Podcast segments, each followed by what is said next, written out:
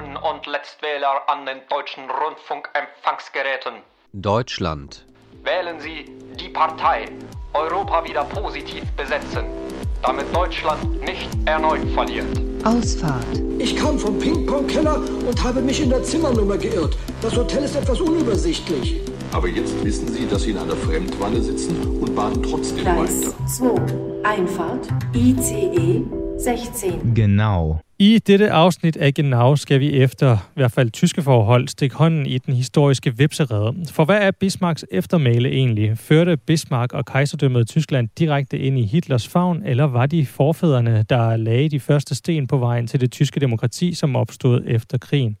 Du lytter til Genau, der i denne uge er med mig ved rådet. Jeg hedder Ejen Amripur. Genau. I disse dage er det præcis 150 år siden, at Otto von Bismarck blev taget i ed som kansler for et samlet tysk kejserrige. En af de mest skældsættende begivenheder i tysk historie. At han er en markant figur i Tysklands historie, hersker der ingen tvivl om, men er jubilæet noget, man bør fejre? Det er et helt andet spørgsmål. Jesper Vind, velkommen til dig. Du er Weekendavisens Tysklands medarbejder, men derudover er du, er du historiker og germanist. Mener du, Ja, at. Tyskland har noget at fejre i Bismarcks jubilæum? Ja, øh, det har de da. Øh, Bismarck, han øh, samlede øh, Tyskland, øh, gjorde det til en, øh, til en stat og en moderne stat, som øh, på mange områder var, var en positiv gevinst for Europa, i hvert fald i, i nogle årtier. Og Troels Heger, også velkommen til dig. Du er i dag journalist på Berlingske i København, men fra 2015 til 18 var du avisens mand i Berlin. Samme spørgsmål til dig. Har Tyskland noget at fejre i Bismarcks jubilæum? Mm, ja, altså fejre. Ja, det kan man godt sige, at Tyskland har. Øhm, men altså som alt andet tysk historie er det jo altid en kompleks øh, øh sag at besvare enkelt. Øh, men øh, altså øh, det jeg synes, at man kan fejre ved, ved den her slags mærkedag, som der jo er utallige af i, i tysk historie og tysk politisk virkelighed, det er jo, at Tyskland har en rig og interessant og kompleks historie. Øh, og det kan man godt øh, øh fejre i sådan et 150 år, synes jeg. Og om lidt skal vi runde Bismarck og hans betydning for sin samtid, men inden da, så prøv lige at lytte med her en gang ganske kort, og jeg skal beklage den dårlige lyd.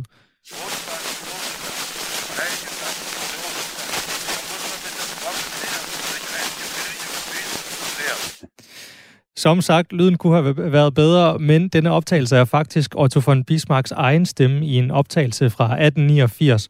Han reciterer de første fire linjer af digtet Schwäbische Kunde, der omhandler den tyske konge Barbarossas korstog i 1190. Inden vi går i gang, vil jeg gerne lige have jeres hjælp til at få etableret Otto von Bismarck og, og øh, det samlede tyske kejserrige.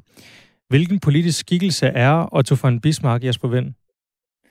Øh, ja, øh, han var jo en øh, preussisk diplomat og øh, politiker, øh, som øh, samlede Tyskland. Øh, han blev så den første tyske kansler, øh, og han samlede, altså man skal være klar over, at inden han ligesom kom til, der var Tyskland øh, et område med, med 40 øh, forskellige landområder, altså stater, bystater, øh, øh, småstater, øh, lidt, lidt større stater som Bayern og, og Preussen.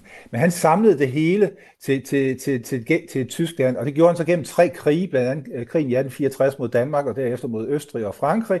Og så, så han smed ligesom Tyskland sammen. Derfor ser man, bliver han også kaldt for den tyske smed, eller for jernkansleren. Og han er jo blandt andet kendt for det her øh, med, at han sagde, at øh, dagens spørgsmål bliver ikke afgjort ved taler eller flertalsbeslutninger, altså demokrati, men ved blod og jern.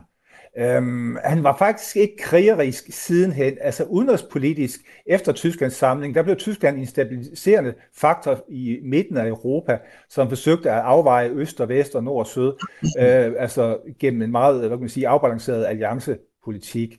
Men at først og fremmest var han jo urprøjser, og han var bestemt ikke national eller demokrat. Han skabte et Tyskland i, øh, i Preussens billede, kan man sige, og, øh, og dermed også i Tyskland, hvor, hvor monarkiet og øh, kejserne havde fortrinsstilling. Og øhm, så førte han jo meget hård kamp indrigspolitisk mod, mod, mod, mod han skabte øh, rigsfjenderne. Øh, katolikker og socialdemokrater opfattede øh, han ikke som rigtige øh, rigsvenner, øh, den kaldte han som folkefjender. Øh, og, øh, men, det, men, men det der nye Tyskland, det var jo selvfølgelig en stor øh, hvad hedder det, øh, øh, heksekedel, og øh, han fik jo moderniseret hele Tyskland også i den periode, øh, med moder- industrialisering og med en opbygning af en velfærdsstat. De før, han er jo også regnet for den moderne velfærdsstats fader, øh, så han er en meget, meget kompliceret øh, skikkelse, som også Troels lige var inde på før. Altså den tyske historiker Lothar Gahl, som er måske den fornemmeste Bismarck-historiker, vi har, ikke? Altså han siger, at øh, mm, grundlæggende så var, var, var, var, var Bismarck øh, højkonservativ i sine overbevisninger, men højmoderne i sine metoder. Øh, og så, øh, ja, men, men som, som Tysklands fader, som Tysklands jernkansler og Tysklands smed, der er han jo ofte blevet set som en positiv skikkelse. Derfor er det hele det tyske landskab selv i dag jo fyldt med, med, med Bismarck-statuer, når man rejser rundt. Sidenhen er han jo blevet set som selv, selve urfaderen til, til nazismen. Altså den her militariserede kejserige bliver set som forudsætning for nazismen. Ikke? Og derfor er fra at være et positivt billede, så ser man ham i dag som sådan en, altså hvert mange ser ham i dag som en, der går en lige linje fra Bismarck til Hitler. Han er blevet forhistorie til nationalsocialismen, fordi han også skabte det her militariserede, nationaliserede øh, Tyskland. Så det er meget, der er meget strid om ham. Og, og det kommer vi meget mere ind på øh, lidt senere, men øh, kompleks figur, siger du bare lige ganske kort. Hvor meget forandrer han det tyske øh, øh rige i sin, øh, i sin regeringstid? Øh, i, i høj grad. Øh, han skaber jo, øh, altså Tyskland der, da han kommer til, på det tidspunkt er det jo Storbritannien, der, der er Europas øh, førende magt. Det er jo verdensmagt, det er jo, og Frankrig har alle de her kolonier i Asien, og, og Tyskland kommer meget sent ind på, hvad kan man sige, den, den, den store politiske scene. Men han gør jo Tyskland til, til Europas førende øh, industrimagt, med, øh, men det er også en, en, en magt, hvor, hvor, hvor der er fyldt med, med altså udover den her vækst, også med innovation og, og øh, og genoprustning, men også øh, Tyskland havde Europas stærkeste arbejderbevægelse, Europas stærkeste øh, velfærdsstat, men også øh, frihed, kunsten, kulturen, kvindebevægelsen bruller frem i de her år her. Så Tyskland bliver så at sige øh, Europas centrum øh, øh, fra, at de i meget højere grad tidligere har været England. Troels Heger, det tyske øh, kejserige, som Bismarck er kansler for, opstår i, i 1871 øh, i kølvandet på en række krige og forsvinder øh, først ved udgangen af Første Verdenskrig. Hvad kendetegner særligt det her kejserige? Du har, Jesper Vind, været lidt på det, men, men fra dit perspektiv?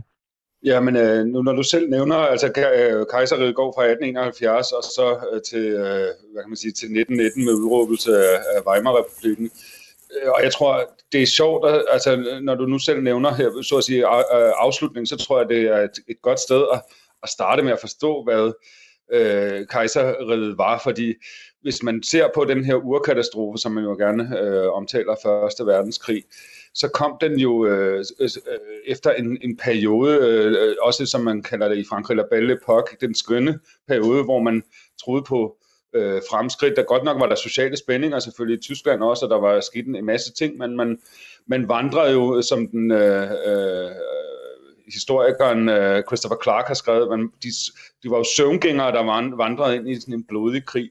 Og det gjorde man jo også, fordi at, øh, hvad kan man sige, at der var en, en form for, øh, jamen nærmest en, en jagt på, øh, på et, et, et, et, et, eller en længsel efter et, et socialt gennembrud, eller et eller andet, der skulle bryde med den stillstand og tilstand af støvethed, som jeg tror også mange yngre generationer oplevede på, på det tidspunkt. Og det er jo rigtigt, som Jesper siger, at Bismarck var jo med til at, at øh, på helt øh, altså på imponerende vis at modernisere Tyskland i en industriel revolution. Men spørgsmålet er, og det, det, det er jo den måde, man ofte kigger tilbage på, øh, på kejseriet, om de sociale forhold øh, blev ændret tilstrækkeligt hurtigt øh, sammen med den her øh, Øh, med de her, med de her teknologiske fremskridt. Øh, og det er jo muligvis der, hvor der kan opstå nogle spændinger, hvis øh, nogle forskellige grupper ikke mener, at de får del i, i, i nye teknologier og sådan noget. Så det var, er, det, så det, man kan sige, med første verdenskrigs udbrud bliver det jo klart, at den her sådan lidt søvngængeragtige tilstand har i virkeligheden øh, båret på et, et super kom, komplekst problemfelt af sociale spændinger og forskellige modsatrettede interesser, altså Øh, og her snakker vi alt om øh, altså, øh, øh, den her notoriske øh, preussiske militante protestantisme øh, og, og de, øh, øh, de, den, den, den øvrighedstro og myndighedstro, som jo så får den her øh, bagkant øh, i, øh, eller øh, giver sig udslag senere i, i, i den antisemitisme. Ikke? Det er jo også noget, man, øh, som nazisterne selvfølgelig øh, fuldbyrder på allermest grusom vis, men det er jo også ting, som øh, allerede eksisterer i, i kejserdømmet også. Så der, altså, der ligger mange af tidens konflikter øh, på det tidspunkt. Vi, Jesper har også talt om, om Socialdemokraterne, og nævnt en meget øh, succesrig øh, øh, øh, arbejderbevægelse i Tyskland i, i, øh, i forhold til, øh, altså internationalt på det tidspunkt. Øh, og der, altså det, det tyske socialdemokrati er også verdens ældste socialdemokrati, og øh, spiller også en afgørende rolle i at øh, presse Bismarck til at, så at, sige, at levere indrømmelser på socialstaten, som øh, Jesper øh, tidligere har øh, talt om, og også at man får en moderne velfærdsstat på det her tidspunkt. Øh, så der, der, ja, altså bare for at slutte mig til øh, Jespers øh, beskrivelse, der sker helt uhyrligt mange øh, ting, men der er også på en eller anden måde i kejserdømmet en længsel efter et eller andet andet, der skal ske med verden. Og, og du var lidt inde på øh, hele det her sociale aspekt. Øh, bare lige helt kort, jeg bliver bare interesseret. Hvordan havde øh, det helt almindelige, hvad skal vi sige, helt almindelige indbygger det i, i kejseriet? Jamen, jeg ved ikke, om, der har, om man kan tale om en helt almindelig indbygger. Altså, der var jo... Øhm, altså, det var jo øh, en samling af Tyskland, men det var jo en samling af Tyskland under preussisk øh, forbillede, så det er klart, at i øh, i Bayern og Baden-Württemberg og sådan nogle steder har der været en, altså en, en modvilje mod Berlin, ikke? Øh, mod, mod, mod det preussiske øh, styre i visse dele, også en, gam, en gamle øh, adel øh, i, de, i, i gamle kongehuse og i de gamle fyrstedømmer og sådan noget. Det var ikke fordi det på den måde øh, øh, hvad man sige, var homogent. Så det er svært at sige, hvordan den enkelte borger øh, havde det. Altså, der var selvfølgelig en, en, en velstandsvækst, Øh, Øh, grundlæggende, og man taler jo også i Berlin for eksempel om øh, Gründerzeit øh, øh, øh byg, øh, bygninger, altså byg, bygninger fra 1800 80'erne, øh, hvor, som, hvor det nye borgerskab, som har, er kommet til penge i, i, med den industrielle revolution, også skal have fine urbane lejligheder. Øh, og det er jo i dag, altså de her 1880'er øh, øh, byggerier, som er de gode gange. nu skal vi ikke komme ind på boligmarkedet i Berlin her, men altså det er jo noget af det, som, er, som i dag er eftertragtet at bo i. Ikke? Altså det, det, det er fine, øh, store lejligheder med højt til loftet, øh, bygget til et nyt borgerskab, som kommer frem. Øh, og det er jo det borgerskab, som, øh, hvad kan man sige, øh, både kommunisterne og nazisterne sidenhen vil gøre op med. Altså det er dem, der kommer, de kommer jo til at spille en, en, en, en, øh, en hovedrolle som klasse, så jeg vil måske hellere tale om de forskellige klasser, der er i, øh, i kejserdømmet, ikke? eller kejseriet. Og der er selvfølgelig også et stort uh, proletariat i, det her, i den her industrialisering, som uh, jo også uh, skal finde nye måder at organisere sig på. Og det er jo også massesamfundets Øh, øh, fødsel det her på det her tidspunkt. Berlin vokser også øh, drastisk i de her år øh, og der er øh, nye massebevægelser øh, under øh, opsejling, altså med nazismen og, øh, og kommunismen og, og socialdemokratismen også i et vist omfang. Så det, øh, øh der er, jeg vil sige, øh, der er den, det, der forener de forskellige klasser i, øh, i, øh, i, i, øh, i kejsertidens Tyskland, er måske, at de alle sammen hver for sig har en bevidst, en, en stærk klassebevidsthed selv, og de er klar over, at de befinder sig i et, noget, der minder om et nulsomspil om deres uh, interesser. Og lad os bare... Må jeg, må lige, må lige få en ting? Altså, du spurgte det der med de almindelige mennesker. Øhm, altså, statistikken viser, at reallønnen steg. Øhm, kejseriet, der var det slut med at se hungersnød. Øh, børnedødeligheden faldt markant, og Øhm, øh, selvom det ikke var demokrati, det var et skindemokrati, så at sige, på langt hen ad vejen, men så var det en retsstat, der var presfrihed. Almindelige mennesker fik øh, mere løn, og de, for den løn kunne de blandt andet købe aviser, som, øh, mm. øh, fordi der var pressefrihed. Så på den måde øh, var der små, altså var der virkelig mange øh, for, for, forbedringer for den almindelige mennesker. Ja, fordi øh, Jesper Vind, jeg faktisk, øh, lad os lige holde fast i det her med de her små demokratiske bevægelser, fordi øh, Bismarck var jo kansler, og det er jo en, en titel, vi kender fra i dag, og kejseriet havde også et, et parlament, Rigsdagen, som i mange år lå i præcis samme bygning, hvor forbundsdagen i dag herhjemme. Altså, kan man tale om kejseriet som noget demokratisk overhovedet, øh, og, og i så fald, hvor demokratisk? Jamen, som Troels også siger, det hele er kompliceret og komplekst. Øh, man kan ja, og man kan også sige, svare nej til det spørgsmål, og man kan også sige både og. Ikke? Øh, kejs, altså, nu har jeg lige nævnt nogle af de her demokratiske fremskridt, der var i, øh, øh, i, i, i, i, i kejser, tyske kejseri. Altså man skal huske, når man taler om det tyske kejseri, så bliver vi nødt til at sammenligne med, med, med, med, med, hvordan så det engelske imperium ud på det tidspunkt, hvordan så det franske ud på det tidspunkt, hvordan så Danmark, Skandinavien ud. Ikke? Og i forhold til, til, til europæiske standard, så, så var, så var Tyskland relativt øh, demokratisk på det her tidspunkt. Men, øh, og, og, og en meget, meget stærk øh, arbejderbevægelse. Øh, bevægelse. Men, men, men, men øh, der var lige så mange mennesker, der var medlem, medlem af de her militærforeninger, de her frivillige militærforeninger, reservekors, Øh, reserveofficerkorps foreninger. Så der var øh, masser af hvad hedder, demokratiske, men der var også masser af udemokratiske øh, civile foreninger. Øhm, så, øh, men altså, hvad hedder det, videnskaben, der var jo kæmpe store fremskridt og forskningsmæssige videnskab. Mange af de fremskridt inden for arkitektur og forskning, som vi til, man tit tilskriver Weimar-republiken, de, de fandt faktisk sted under kejseriet. Øh, øh, så det var meget progressiv tid. Øh, øh, og, og, og selvom kvinderne først fik øh, øh stemmeret i 1919 i Tyskland, så, så, så kvindebevægelsen øh, øh, fik større og større lydhørhed i samfundet. Så, men, øh, men, så der var en stærk demokratisering, men det var også en demokratisering, der skete på bekostning af så bestemte fjender, som man så tit øh, hvad hedder de, hedder, distancerede sig overfor, og det var øh, for eksempel øh, jøder og fremmede afrikanere og sådan nogle ting. Der. Så det, der er helt sådan en ambivalens til stede. Genau. Nu skal vi tale om øh, den debat, Bismarck har skabt her øh, 150 år efter han blev kansler. Der har nemlig i det seneste stykke tid været godt gang i debatspalterne i tyske aviser. Hovedpersonen er historikeren Hedwig Richter, hvis øh, seneste bog, Demokrati, eine deutsche Affäre, som i øvrigt er blevet en bestseller, men som også har sat blodet i kog hos øh, mange af, af hendes historikere øh, kolleger. Troels Heger, vil du ikke lige prøve at uddybe, hvad, hvad den hæftige, øh, efter, i hvert fald efter tyske forhold, øh, den hæftige diskussion går ud på? Jo, øh, det vil jeg gerne. Altså, øh, Hedvig Richter er, er, er jo øh, øh, oprindeligt øh, historiker og, og, valg, og valgforsker, og har skrevet den her bog, Demokrati og en Deutsche Affære, hvor hun forsker i afholdelsen af valg og folkeafstemninger, blandt andet i og under øh, nazitiden.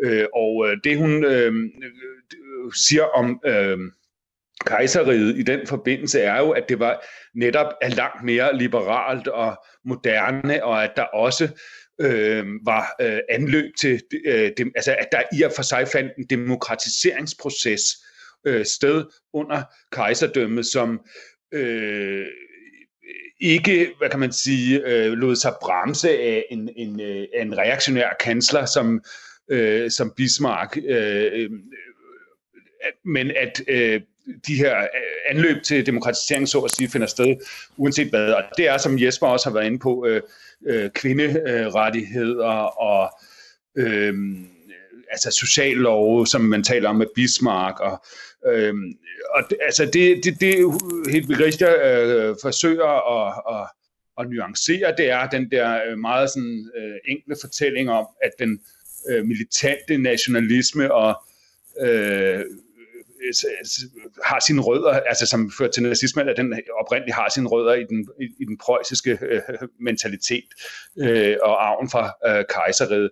Altså hun siger, at det, det er ikke så, så, så enkelt som det. Der findes også øh, øh, demokratiske impulser, øh, og at Tyskland øh, ikke dermed er noget radikalt enestående øh, blandt øh, andre europæiske lande, hvor man jo øh, ellers har haft øh, ja, altså Danmark med grundloven øh, fra 49, 1849, ikke? Altså, hvor man på langt tidligere tidspunkt har haft øh, demokratiske reformer, så har Tyskland jo altid må, måttet bakse med det der med, at man først efter 2. verdenskrig øh, fik øh, demokrati, øh, der rakte videre end, øh, end det kort, kortlivede øh, Weimar, en kortlivede Weimar-republik.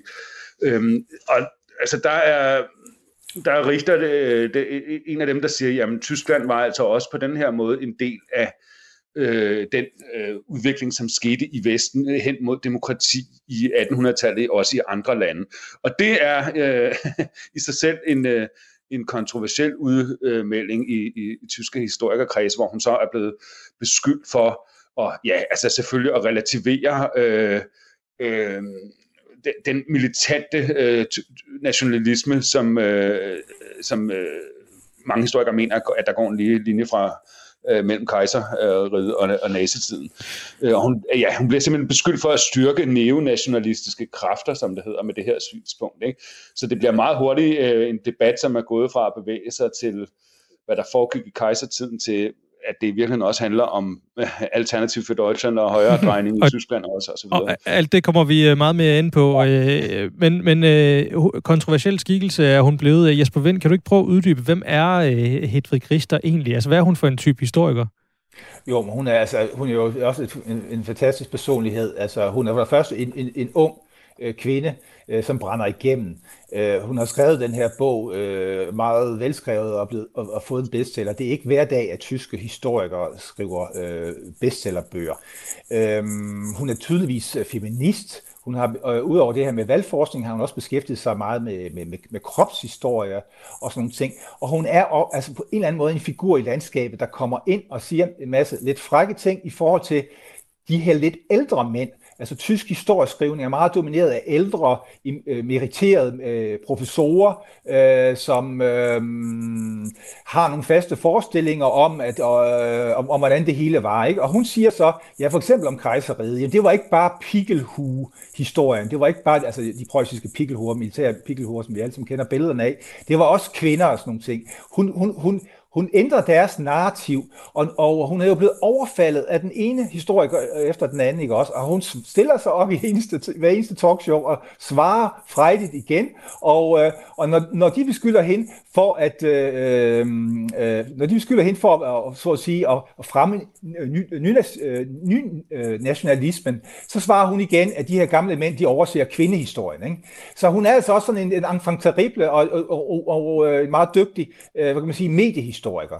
Øhm, og øh, så på den måde har hun jo skabt meget mere røre end, end, øh, end som så. Øhm, men, øh, men så har hun så taget de her provokerende synspunkter, som jeg også tror er lidt generationsspørgsmål som yngre historiker.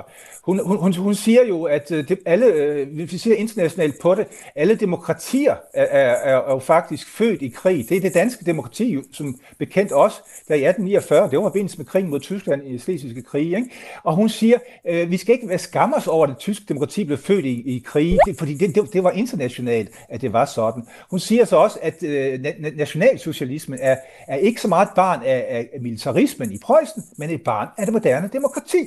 Øh, og altså, det, hun, hun, hun evner også at sådan, være sådan lidt Rasmus modsat, en provokatør på en eller anden måde. Nu, nu, øh, og, du, du, nævner selv, øh, du, du, du nævner selv nogle af de her positive øh, aspekter, hun ligesom det med kvindefrigørelse, hun, hun hiver mm. frem. Øh, hun tager nogle af de her positive sider af kejsertiden frem, ja, ja, og siger, ja. øh, det her, det er også noget, I negligerer øh, siger hun ligesom til ja. de andre historikere. Hvad er det for nogle aspekter, der, der var positive? Jamen, Tyskland var jo øh, langt hen ad vejen en af Europas førende retsstater. Altså, der var jo, øh, man, hvis man blev krænket, kunne man gå til domstolen og få en advokat, og det fungerede øh, rimeligt sådan øh, webersk, byråkratisk, øh, neutralt. Ikke? Øh, øhm, Tyskland havde en, en kæmpestort presselandskab lokalt. Der var masser af det, offentlig debat, der var masser af offentlig hvad kan man sige, øh, kultur og, og øh, kulturdebat. Det, det, var ikke, det var ikke sådan et diktatur på den måde. Det var ikke et, et totalitaristisk samfund. Ikke? Det, det er noget af det, hun fremhæver. Øh, og så kunsten og videnskab florerede jo. Altså kunstnere og kunstnere, altså Edvard Munch, øh, Brandes, dans, altså øh, norske og danske kunstnere, de, de valgfartede jo til Tyskland. Det var der, det, det snede inden for den frie kunst. Mm. Men man kan også tale om det her tyske billede som superskurken. En af Richters pointer er, at øh, som, som, øh, som I begge to også har været inde på, det her med, at øh, autoritære nationalistiske træk fra kejsertiden måske ikke var noget særligt tysk, øh, men, men noget, som også øh, fandt sted i, i England, Belgien, øh, Frankrig, med, med jo en, en fremtrædende antisemitisme i sin samtid osv. Hvorfor er det så provokerende en pointe for, for de andre tyske historikere? Øh, grundlæggende, så nu, nu gør hun jo noget, der er virkelig provokerende. Hun går jo langt hen ad vejen ind og normaliserer tysk historie. Øh, hun gør det jo ikke fuldstændig. Hun ved udmærket godt, at holocaust nazismen er noget helt særligt, og det, er, altså det, ikke, det kan man ikke normalisere overhovedet. Men hun skaber, hun, hun skaber en større grad af normalisering over, over hele den tyske, de sidste 200 års øh, historie. Og det at normalisere Tyskland, det er øh, tysk historie, det er meget provokerende i Tyskland, fordi hele, hele, hele øh, stor del af efter hvad hedder det, hele selvforståelsen i Tyskland handler om, at Tyskland var øh, den største superskurk, der har været i historien, og det førte frem til Hitler, og øh, derfor øh, forpligter det også Tyskland i dag i forhold til udenrigspolitik og i forhold til demok- øh, demokratisk dannelse, øh, og det er også i forhold til, at aldrig mere må, må, må nationalismen slå rod i, i, øh, i, i, i Tyskland igen. For, øh, og, og, det, og, og hun piller lidt ved det der. Hun prøver at gøre det lidt mere normalt, også ved at sige, at øh, de andre europæiske lande jo var på, på, på mange områder, områder lignede Tyskland. Hun prøver, hun ser selvfølgelig nazismen som et kæmpe, kæmpe, kæmpe civilisationsbrud, men hun mener, at årsagerne mere skal søges i øh, Weimarrepublikken, altså i den økonomiske krise i Weimarrepublikken, at der skete nogle ting der, der, der, der, der muliggjorde Hitlers opstigning, og det ikke var de her langere, længerevarende strukturer, som Troels også var inde på, med preussisk øh, kultur og romantik, altså noget, der ligger i den tyske folkesjæl. Tyskerne er ikke som sådan onde i, øh, i deres sjæl, øh, så at sige, men var også udsat for nogle uheldige omstændigheder, i, øh, især i 1920'erne. Vorfreude. Fantastisch. Spitzfindigkeit. Kuddelmuddel. Genau aus Rundfunk 4. Wir sprechen mit, mit Deutschland. Deutschland. Du lytter til Genau med mig, Ejen Amripur. I dag taler vi om Otto von Bismarck, der i disse dage for 150 år siden kunne tages i ed som den første tyske kansler. Med mig har jeg Jesper Vind, Tysklands medarbejder for Weekendavisen, og også dig, Troels Heger. Du er i dag journalist på Berlingske i København, og fra 2015 til 18 var du avisens mand i Berlin. Vi har talt om synet på det tyske øh, kejserriges fortræffeligheder og forfærdeligheder. En hæftig debat, debat blandt øh, historikere, som lige nu foregår i både aviser og på, på sociale medier også. Men der er også øh, en anden gren i den her debat, som jeg gerne vil dykke lidt ned i. Nemlig, hvilken indflydelse har Bismarck og kejseriet på det Tyskland, som kom efter, altså både på det nazistiske Tyskland og det demokratiske Tyskland, vi kender i dag. Som sagt, så er det en de, den her øh, debat noget, der virkelig har sat sindene i kår. Lad os lige starte med et lydklip, så vi kan få en fornemmelse af tonen i, i den her debat. Und ich, ja, ich, und ich denke, das ist ein intellektueller Kurzschluss. Deswegen verstehe ich auch den Bundespräsidenten zu denken, dass es irgendwas mit einer Relativierung des Nationalsozialismus zu tun hat, wenn man das Kaiserreich nicht exotisiert und wenn man nicht diese direkte Verbindungslinie von Bismarck ähm, zum Nationalsozialismus nicht, was Exotisierung, Und ich was finde, bedeutet denn Exotisierung? Was, was ist denn dann das, das Problem? Könnten Sie das Exotisierung erläutern? bedeutet, Exotisierung bedeutet... Det var et lille klip fra det tyske Sydvestrundfunk af debatten mellem Hedvig Richter og hendes historikerkollega Eckhard Konse, hvor polemikken, øh, hvis kan man vist godt sige, spidser til, i hvert fald efter tyske forhold. Diskussionen handler om, øh, hvorvidt man kan drage en direkte linje mellem kejserdømmets militarisering og nazitiden. Og Richter indvender så, at kejserrigets militarisering, kolonialisme osv. ikke var noget eksotisk i europæisk forstand. Altså som noget, der kun gjorde sig gældende i Tyskland, men at det var normalen i Europa, og man derfor er nødt til at analysere kejserdømmet i det lys. Derfor kan man heller ikke drage den linje, som Konse øh, øh, gør. Tværtimod så mener hun, at øh, kejserdømmet var en demokratisk brydningstid, og det var også noget af det, øh, I, I begge to har været inde på her, men, men også, at det var netop, øh, siger hun så, det var netop de demokratiske idéer, der førte til Hitlers magtovertagelse. Har Hedvig Richter en pointe i, at det er de hvad skal vi sige, demokratiske elementer fra kejsertiden, der fører til nazismen, altså modsat det, der ellers hævdes, at det var de autoritære og militaristiske træk, øh, Troels Sikker? Ja, det er da i hvert fald en besnærende øh, tanke, øh, jeg, øh, at, at, at, at demokratiet også øh, ligesom øh, det hører med til Hitlers øh, op, mulighederne for Hitlers opstigning. Øh, altså, der, der er jo en, måske en grund til, at øh, nazisterne stillede op til valg, øh, og der er jo også, øh, og det er jo måske i virkeligheden, at øh, som der også er nogle af, af Richters forsvarere, der har, har, har fremført, at når først et øh, folk har haft øh, kontakt med demokrati, så bliver det sværere for en diktator eller en, øh, en autokrat at kuppe sig til magten, uden samtidig også at præsentere sig selv som inkarnationen af folkets vilje i en eller anden form. Ikke? Og det var jo også det, Hitler gjorde. Han, han brugte jo, øh, hvad kan man sige, massen og folket og, og postulerede en eller anden form for enhed øh, med, med, med, med folkets øh, vilje. Han var, Hitler var jo en, ja, på den måde en folkeforfører, øh, og i modsætning til for eksempel en eller anden fjern øh, kejser i øvrigt, øh, på den måde er forskellen til Hitler mellem og, og kejseren er jo, at øh, kejseren vil aldrig nogensinde nedlade sig til at øh, øh, ja, stille sig selv øh, på samme niveau øh, med folket. Det vil Hitler selvfølgelig heller ikke i praksis, men han vil vel formodentlig postulere det. Og et godt øh, billede på det er jo, at da, netop da rigsdagen blev indvidet for 150 år siden, øh, det faktisk var den 23. marts, det er virkelig ikke særlig langt, det er fem dage siden øh, her, mens vi optager i hvert fald, der øh, var det jo sådan, at øh, i stedet for, øh, at kejseren kom hen i parlamentet og hilste på de nye parlamentsmedlemmer, øh, så øh, blev det arrangeret, at de skulle besøge ham på Berliner Schloss i stedet for. Og det var jo et klart signal fra kejseren om, at for det første, at han stod øh, over øh, øh parlamentarikerne og det, det, det såkaldte demokrati med dets øh, træstemme valgret, som det var på det tidspunkt.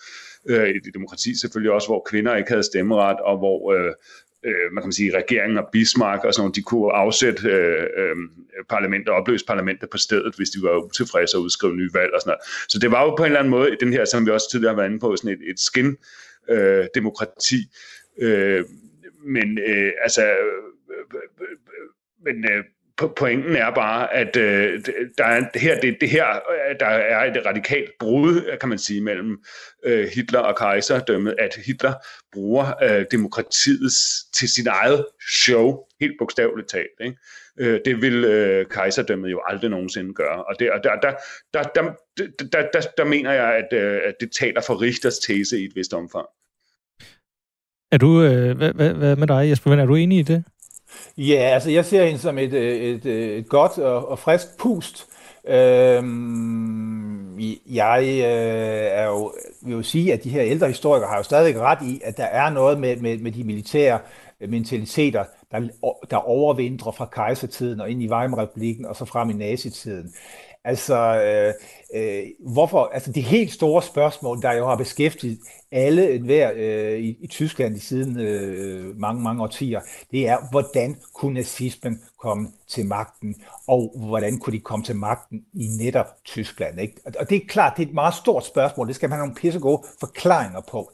Og øh, hun udfordrer den her tese med, at det her det drejer sig om nogle, nogle, en arv fra, fra, fra, fra, fra, fra, fra kejsertiden øh, primært. Og det udfordrer, hvor hun siger, at det her det er i virkeligheden en demokratisk revolution, der foregår, øh, da, da Hitler tager magten. Hun påpeger jo, at Hitler havde jo 30-40 procent af stemmerne. Der var jo flertal øh, bag ham i mange, mange tyske delstater, også inden at han, øh, han tog magten øh, i, øh, i Rigsdagen i 33. Altså det er meget mere kompliceret. Hitler er ikke kun barn af, af, af autoritære forestillinger, men også et barn af, af, af, af, af, af demokratiet. Og det, og det, og det synes det, det, det er godt, der bliver rusket op, så at vi ikke har de her... Altså, jeg, jeg kunne godt lide en historieforskning, der prøver at undersøge tingene øh, ud fra, hvad, hvad, hvad man synes, kan, man kan undersøge, og hvad der er empiri for. For meget af Tysklands historieforskning har været præget af, hvad der ligesom er politisk rart.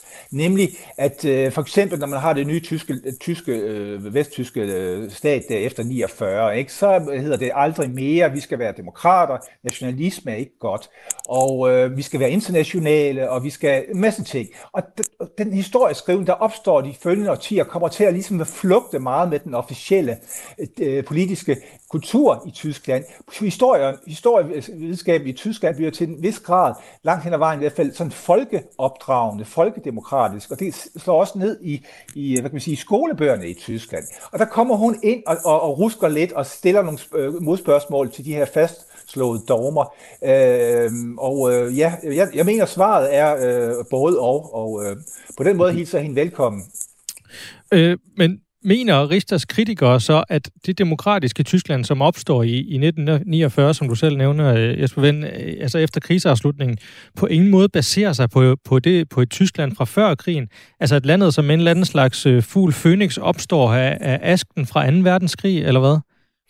Ja, altså nu, når, når man spørger folk, så vil de jo, at de fleste folk vil sige, ja, men det er jo både over. Ikke? Men, men det grundlæggende narrativ efter, efter, efter krigen, ikke? det var jo det her udtryk, stunde 0, 0-timen. Tyskland startede simpelthen som uh, fugl Phoenix, som, en, uh, som uh, efter en apokalypse, hvor, hvor, hvor, det, hvor, hvor, hvor der ligesom skulle bygges helt nyt. Ikke? Uh, og uh, det, det, det, var, det, det var en meget dominerende trend i, i, i, i Tyskland. Og, uh, uh, men uh, ja, uh, nu har jeg faktisk lige glemt, hvad var det præcis, du spurgte om. Det, Det var bare, om, de, om, om hvis ikke de tror på Richter, om, der, om pointen så er, at, at, øh, at landet opstår som, altså, ligesom ud af asken fra, fra 2. verdenskrig, ud af ingenting. Ja, ja, ja. Om de afviser også, den forbindelse. Jamen, der vil jeg også sige, at Richter har jo en rigtig, rigtig spændende øh, pointe, ikke også? Fordi nu kan man sige, nu har vi et land, der fører krig og barbari og sådan nogle ting, og så, så kommer nogen udefra at indføre demokratiet i Tyskland. Ikke? Det, det prøvede man for nylig med, med Irak, det gik ikke så godt af forskellige. Det, der er interessant, øh, siger Richter, det er, at Tyskland allerede i 45-46 begynder jo at få et velfungerende lokaldemokrati, øh, og, og øh, et, hvor folk er mobiliseret. Der er store valgdeltagelse i kommunalvalgene i 45, 46, 47, 48, 49 øh, øh, i delstaterne og frem til, til, til, til staten. Vesttyskland bliver, bliver grundlagt i 49. Ikke? Altså, det var meget, meget hurtigt, at den her demokratiske kultur genopstod, så at sige, i Tyskland der i, i anden halvdel af 40'erne. Det kunne jo kun ske, fordi der på en eller anden måde var en, en, et langvejt, altså det, det, at demokratiet trods alt også sad dybt i mange tyskere, ikke? at der er, har, har været en langvarig affære, som hun skriver, mellem Tyskland og demokratiet de beskyldninger, der er mod, mod Richter, den, den tyske øh, historiker Eckhard Konze, som vi også hørte for et øjeblik siden, beskylder jo øh, blandt andet Richter for at være neonationalistisk, fordi hun anser Bismarcks øh, kejserige som, som en øh, forfader for, for det demokrati, tyskerne har i dag. Men hvorfor, hvorfor er det så kontroversielt i tysk øh, forstand? Jamen, jeg tror, det, det har meget at gøre med det, som, du, som Jesper lige har opridset, ikke? at der er en officiel øh, version, som øh, præger... Øh, øh øh, altså en, en officiel øh, version af, af, af, af Tysklands forhold til øh, nazitiden, eller Tysklands historie med nazitiden. Øh, og den øh, officielle version, den findes øh, institutionelt indlejret, altså i, i alle mulige dele af, af det tyske samfund, herunder øh, skolevæsenet, og selvfølgelig også på de øh, højere læreanstalter i et vist omfang. Øhm, så, så det handler om, at det er, altså, Jamen altså, som, øh, altså helt groft sagt, så handler det jo bare om, øh, helt banalt, at øh, Richter piller ved, øh, ved forestillingen om, om den tyske superskurk og den nazistiske overskurk, som, som det, øh, som det, øh, som det alt ødelæggende monster, som man bare ikke øh, må, må relativere på nogen måde. Ikke? Altså, og det, øh, det, altså, det er jo egentlig ikke det, der for så vidt er hendes, hendes, øh, hendes sigte, altså som jeg oplever det i hvert fald. Øh, Øh, det handler jo snarere om at, at, at, at bringe nogle nuancer ind i, i, øh, i, øh, i historieskrivningen omkring øh, kejseriet. Og så bliver en afledt effekt øh, det her, som det er en anden øh, diskurs, der kommer udefra, som hun på en eller anden måde også skal forholde sig til i det her. Ikke? Og det er jo ikke første gang, at tyske øh, historikere diskuterer, øh, hvorvidt øh, nazitidens forbrydelser var værre end alt muligt øh, andre totalitære øh, regimers øh, forbrydelser mod deres egne borgere. Altså, øh, det er jo en klassisk debat i, i, øh, i Tyskland, om man, man diskuterer holocaust som noget, øh, noget enkelstående, eller, eller om kan det sammenlignes med øh, holodomor, altså hungersnøden i, i Ukraine, som Stalin udløste osv. Altså, alene at stille det spørgsmål kan, op, kan blive oplevet som øh, provokerende, og faktisk også nærmest politisk suspekt. Ikke? Altså, og jeg tror, det, det, det, det bliver særligt pjattet øh, i den her øh, forbindelse, fordi som Jesper siger, er, er Hedvig Richter er jo egentlig en pæn, øh, altså midterorienteret, hun er sikkert socialdemokrat eller et eller andet, whatever, øh, menneske med, med, med, med en seriøs forskerkarriere. Altså, der, hun er jo ikke ude i en eller anden øh, skulle skabe en eller anden øh, medvind til AFD på den her bekostning. Så det, det altså når, man, når, man, når, når alt det her med neonationalistiske kræfter kommer i spil i den her debat, så vidner det jo om, at, at, øh, at der er nogen, der har øh, ja, et, et, et regulært problem med det her. Men altså, jeg synes, det er på en eller anden måde nærmest en useriøs øh, diskussion, øh, at skulle diskutere, om hun har, altså om hun hjælper nogen politisk med det, med det værk, hun, hun laver. Genau. Jeg vil gerne vende tilbage til, øh, til de spørgsmål om, øh, om styrken af det tyske demokrati, som debatten jo også åbner for. Richter hævder, at demokratiet lever af kriser og konflikter, øh, som, som I også var inde på tidligere, fordi demokratiet er et åbent og i øvrigt måske også utopisk projekt ifølge hende. Er det tyske, eller hvad skal vi sige, også det vestlige sådan set, demokrati så skrøbeligt, at det let kan gå i den forkerte grøft igen? Jesper? Mm, ja, det, det er der jo nogen, der mener. Altså, øh, vi ser jo lidt den debat i forhold til, til højre populismens opkomst. Altså, øh, som Troels også var inde på før, omkring øh, RFD, og vi har også andre øh, partier i andre lande. Altså, øh, Rita, hun, hun opfatter jo, øh, det har hun også sagt, altså AFD som en rimelig øh, normal ting, som er en del af demokrati. Der vil være nogen på den yderste højrefløj, det har der altid været. Det skal demokratiet kunne tåle. Og så, som hun også understregede i debat forleden dag, de, de ligger jo i pt. under 10 procent i meningsmålingerne. Værre er det heller ikke det, det, det, det, har man, det synspunkt er faktisk kontroversielt i Tyskland, for der kan man simpelthen ikke acceptere, at der overhovedet er et parti, der, der, der, der minder om noget, som minder om, øh, om, om 1930'erne. Ikke? Altså i Danmark har vi jo haft en debat, hvor, hvor, hvor, hvor, hvor man kan sige, at Dansk Folkeparti for længst er blevet normaliseret. Ikke? Øh, øh, og det, det er ikke, altså, der var en gang statsminister, der sagde, at stueren bliver, man, bliver de aldrig Dansk Folkeparti. Men, men så det, det er jo et spørgsmål om, hvad, hvad, hvad, hvad vil vi acceptere som normalt i demokrati? Hvad vil vi acceptere af, af obskure øh, politikere? Hvad vil vi acceptere af, af afvielser? Ikke? Og øh, altså, som historiker, der påstår Richter i hvert fald, at demokratiet har altid været i dybe kriser og må kunne håndtere de her ting. Øh, man kan ikke altid have et mønsterdemokrati. Troels Sikker, er du, er du enig i det? Eller, altså, hvordan, hvad er dit syn på det her? Er, er demokratiet så skrøbeligt, at det kan gå i den forkerte øh, retning igen, eller, øh, eller vil det altid vinde? Øhm, det vil jeg bestemt ikke øh, våge den påstand, at demokratiet altid vil vinde. Altså, det er jo nærmest, øh, man, altså, det, det, det, er jo, det er jo nærmest banalt at måtte sige det, men jeg tror, det handler om, at man, øh, altså, demokra- demokratiet er kun så stærkt som sine borgere, og øh, det er nødvendigt, at vi øh, ligesom øh, alle sammen hele tiden holder øje med, med, med øh, overgreb på demokratiets grænser. Og så skal vi selvfølgelig også holde øje med os selv og sådan noget. Men altså, når det så er sagt, så lever vi jo i dag i en helt anden øh, verden end, end dengang, hvor en, øh, øh, altså sådan en, en, en øh, en massebevægelse starter helt nedefra på den måde. Altså i dag er, er, er demokratiet jo truet på øh, helt andre øh, vilkår øh, hvad end det gælder sociale medier, eller cyberwarfare, eller man kan tale om EU, og altså i forhold til, hvor, hvor bliver selvbestemmelsen af i, i, i komplekse politiske systemer og så videre, og så videre. Altså det er jo nogle helt andre problemstillinger, men altså at demokratiet skulle være en eller anden form for øh, kat, der altid lander på benene i sidste ende, det øh, nægter jeg simpelthen at, at, at, at, at tro på. Eller det, det, det, det, det, det tror jeg er en meget farlig øh, tankegang. Jo, men det, jo, det kunne man jo se med 30'erne, at Hitler kom til magten via demokratiet, så der gik det jo galt, vidderligt. Men du kan jo se med Trump, øh, vi kan se med Trump nu om dagen, ikke? han kom jo så til magten der i 2016. Det var eddermane med en, en, en, en nedtur, for, i hvert fald for det liberale demokrati. Men han har så fået en, en, en periode, og nu har det så at sige nogle demokratiske kræfter i USA, jo så slået igen og genmobiliseret. Altså det, det, jeg synes, USA er et meget godt eksempel på det kæmpende demokrati. Ikke?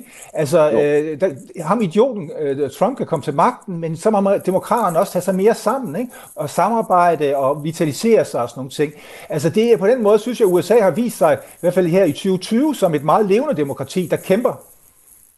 Lad os, øh, lad, os, lad os lige blive, blive ved det, fordi i starten af marts, der kom det frem, at øh, Verfassungsschutz indleder en overvågning af det nationalkonservative parti Alternative für Deutschland, øh, Tysklands største oppos- oppositionsparti. Verfassungsschutz er en tysk øh, indrigs efterretningstjeneste, der har til formål at sikre, at ingen forbryder sig mod de demokratiske idealer i den tyske forfatning. Og det er altså netop det, som AFD mistænkes for. Og i lyset af vores samtale her, kan man ikke tolke netop sådan et øh, skridt som, at tyskerne faktisk ikke øh, stoler på styrken af deres eget demokrati, Jesper Vind? Øh, jo, øh, de, øh, de stoler ikke på, at, at de, de, altså de, de, de har jo selvfølgelig også øh, nogle historiske erfaringer, men, men, men, men altså, min pointe er bare, at, øh, at det er ikke særlig klogt. Altså det, der er sket efter, at de har efterretningstjenesten har skruet op for overvågningen, det er jo, at øh, øh Alternativet Alternativ for Deutschland er gået frem i meningsmålingerne. Altså, øh, den her, øh, altså efterretningstjenesten spiller lidt sådan rollen som en, øh, en, øh, en øh, folkeopdragende, folkepædagogisk overenhed, der, der skal sørge for, at alle aktører er, er, er demokrater.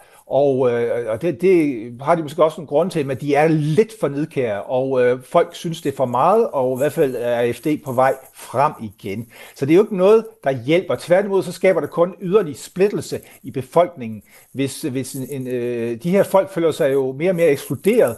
Øh, det, de er jo også folk, der selv eksploderer, hvad kan man sige, øh, indvandrere og sådan nogle ting, så det er ikke fordi, jeg er ondt af dem. Men det skaber bare ikke øh, mere sammenhængskraft, tror jeg, Men altså, jeg har, tror jo også mere på den danske model, hvor vi hvor sige, kan mødes alle sammen, øh, fra det yderste højre til det yderste venstre, og alligevel kom, kom, øh, snakke sammen på en eller anden måde. Troels Hækker, du nævnte øh, lidt tidligere, at man ligesom er nødt til at holde øh, øh øje med demokratiet. Betyder det også, at øh, man er nødt til at leve med et demokratisk system, hvor der er, ikke er plads til folkevalgte antidemokrater? øh, altså nu, øh, altså det, det, det, det, det, synes, det synes jeg jo personligt, at der øh, er et demokrati øh, øh, bør kunne tåle, at der er nogen, øh, der ønsker at afskaffe øh, demokratiet. Men altså, det, det, altså, jeg har jo respekt for, at Tyskland har en særlig politisk kultur, øh, som, øh, hvor man så også øh, har den, øh, det, man kalder et militant demokrati. Altså det er, hvor øh, efterretningstjenesten bliver sat ind over for øh, folk øh, og grupperinger, som ønsker at ophæve den demokratiske grundorden. Ikke? Øh, og der er man langt mere sådan... Øh, der, der er grænserne hårdere trukket op end i mange andre lande, øh, og, og det er der altså historiske grunde til. Og øh, man kan godt øh, blive lidt træt af tyskerne nogle gange, at man føler, at de lader øh, domstole og efterretningstjenester og så videre tage sig af nogle diskussioner, som man måske burde altså, føre sig i, i offentligheden med, med, med meningsmodstandere og så videre. Øh, på den anden side må man også, synes jeg, altså evigt og altid altså, tage hatten af for den øh, mirakuløse øh, øh forvandling øh, til et fuldtonet demokrati, som Tyskland har gennemført. Øh, at de så har den her sådan, ja, altså noget, som øh, aldrig ville gå i, i, dans, øh, i øh, for, eller for eksempel i amerikanske sammenhænge, altså sådan noget med at dømme folk for holocaustbenægtelse osv. Øh, det er, altså, der, der, den, den, altså det, det, er ikke, det er ikke nødvendigvis sådan super demokratisk, men, øh, men, øh, men der er, der er, sta, der er statsræson i det øh, for tyskerne, og det, det tror jeg, man er nødt til at, øh, altså, øh, altså det, det, det, man, man, man kan godt møde stød på den der holdning nogle gange, at de bare er svag, fordi at de man ikke må, du ved, læse Mein Kampf øh, øh, på banegården, ikke? Altså, øh, og det, det, øh, det kan der for så vidt også være noget i, men på den anden side må man også bare øh, respektere, øh, øh, hvordan øh, et andet land øh, håndterer sit demokrati. For det er jo ikke sådan så, at der det her bliver brugt til at slå hårdt ned på alle mulige andre øh, grupperinger. Det er jo ikke et magtmiddel øh, på den måde, men det er selvfølgelig øh, magtudøvelse. Øh, det kommer men det, det, det, har jo haft, det har jo haft nogle lidt uheldige konsekvenser for det moderne Tyskland øh, tænker jeg. Altså, det her med aldrig mere igen, og aldrig mere nazisme og alle sådan nogle ting, det er jo godt, og, og det er også, som Troels siger, ikke også? Men det har jo været sådan, den har måske fået lidt for meget folkepædagogik over det, sådan at man alt, der bare mindede noget om at, at være kritisk over for, for indvandrere, det, det blev slået ned som, som øh, nu kommer nazismen, som, som racisme og så videre, med meget store bogstaver. Og det fik altså bare den konsekvens i nullerne og tierne, at Tyskland var meget, meget, meget længe om at få en, øh, en, en, en islamdebat, om en, en, en, en sund øh, debat om, hvad betyder det, at, at, at, at der er indvandring fra, fra, fra arabiske og islamiske lande og sådan nogle ting. Det er en debat, som har været i de fleste vestlige lande, øh, og som skal selvfølgelig føres på et civiliseret grundlag. Den debat var tabu øh, 10-15 år i Tyskland, mens den florerede i alle andre lande. Og det, øh, det, det var ikke sundt for det tyske demokrati. Genau. Her til sidst vil jeg gerne øh, vende blikket mod øh, Danmark. Hvilke forskelle mellem Danmark og Tyskland udstiller den her debat, øh, som fylder relativt meget i de tyske aviser? Altså, kunne vi have en lignende debat herhjemme, eller er det kun tyskerne, der formår at gå, gå så meget op i noget, der skete for 150 år siden? Ja, det har vi. Jeg tænkte, jeg tænkte på, altså, det, det, det er langt ud sammenligning, jeg kommer med, men hun minder lidt, det, det minder lidt om, om 1864-debatten, altså den uh, tv-serie Ole Bornedal, ikke? Fordi, øh, fordi Ole Bornedal, altså jeg synes, det var, en, det var en dårlig serie, men han går jo grundlæggende ud og siger, at det her hyldede danske demokrati, øh, som vi, vi er glade for, og vi altid forbinder med Grundtvig og med, med folkeånd og oplysning og sådan nogle ting. Nej, det her demokrati, det kom til verden i Danmark sammen med Øh, øh, krigsførsel og sammen med afgrænsning af, af altså over for Tyskland og, øh, og, og en ensretning af, af, til en dansk folkekultur. Øh, og øh, det, det, og, det, og det, det, det er jo det, Borndal øh, øh, øh, sætter på spidsen, ikke også? Men det er jo lidt det samme, som, som, som, som Hedvig Richter gør. Ikke? Hun siger, at det tyske demokrati, som på mange måder var godt, øh, blev født sammen med, med krig og vold. Øh, Øh, og det var jo øvrigt helt normalt i alle europæiske lande. Så vi har sådan set haft den her lidt øh, danske diskussion også. I Danmark er der også mange, der, øh, når vi holder grundlovsdag, vi, vi ønsker ikke at fortælle, at det var faktisk meget nationalistisk grundlov, vi fik, fordi der blev, der blev skabt som modsætning til, til, til Slesvig og i modsætning til Tyskland. Øh, det var en enhedsstat, det var en meget, meget homogeniseret enhedsstat, man ville skabe. Ikke? Øhm, så, så ja, der er øh, mindelser Troels, øh, øh, øh, hvad, hvad tænker du om det? Kunne, kunne vi se noget lignende herhjemme? Ja, altså jeg synes, at Jespers øh, eksempel er rigtig godt og rigtig sjovt. Men, øh, men det var jo så også en debat, som foregik øh, ja, altså i, øh, ja, på, på, på læserbrevssider, og jo ikke, ikke på baggrund af etablerede øh, faghistoriske øh, værker. Vel? Altså, øh, øh, og det kan man så diskutere, hvor, om, Bo, øh, om Borndals serie, øh, hvor, hvor, hvor velresearchet og historisk velunderbygget den er. Det er, en, det er en helt anden diskussion. Men øh, altså det, som jeg tror, der er unikt øh, tysk ved det her, det er jo for det første, at, øh, at du har en, øh, en øh, medier, hvor du kan udfolde øh, sådan forholdsvis komplekse faghistoriske diskussioner, men at den så også bliver ført med den her øh, lidenskabelighed, som den jo gør, altså hvor, øh, hvor Richter for for tæsk af, af, af de gamle øh, mænd i, i, i historikerfaget, og hvor hun på en eller anden måde stiller frejdigt op til debatter i talkshows osv. osv. Altså, det, der har det en, en særlig gennemslagskraft i Tyskland på grund af netop det her, øh, at det ender at røre ved den her, ved den her folkeopdragelses øh, fortælling, ikke? Altså hvor, øh, hvor, at der, hvor tyskerne var, øh, de, hvordan de mm, øh, nærmest skæbnemæssigt forvandlede sig til øh, onde nazister, som de nu i al evighed må, øh, må forsøge at, at, at zone øh, for. Ikke? Altså, øh, og der alene der, at hun er inde og røre ved det der, så tror jeg, at så bliver der trykket på mange knapper i den tyske offentlighed, også mange emotionelle knapper, som gør, at øh, den her debat har noget umiskendeligt tysk over sig. Alright, vi har desværre ikke øh, så meget tid tilbage, så vil jeg bare slutte af med at sige uh, tak for en dejlig nichepræget debat, som dog alligevel siger meget om den tyske mentalitet i, i bred forstand. Tak fordi du var med, Troels Hækker, journalist hos uh, Berlingske og forhenværende Tysklands korrespondent, og også tak til dig, Jesper Vind, journalist og Tysklands medarbejder på Weekendavisen. Du har lyttet, ja, du har lyttet til Genau med mig, Ejn Amripur. Skriv til os på genau-radio4.dk, hvis du har en idé til et fremtidigt program, ris eller ros. Bedst dan, og vi høres ved igen om en uge.